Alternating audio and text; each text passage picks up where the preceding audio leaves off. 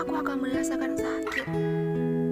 Tapi malah sebaliknya, saat aku pergi, menuruti apa maumu, itu lebih menyakitkan untukku.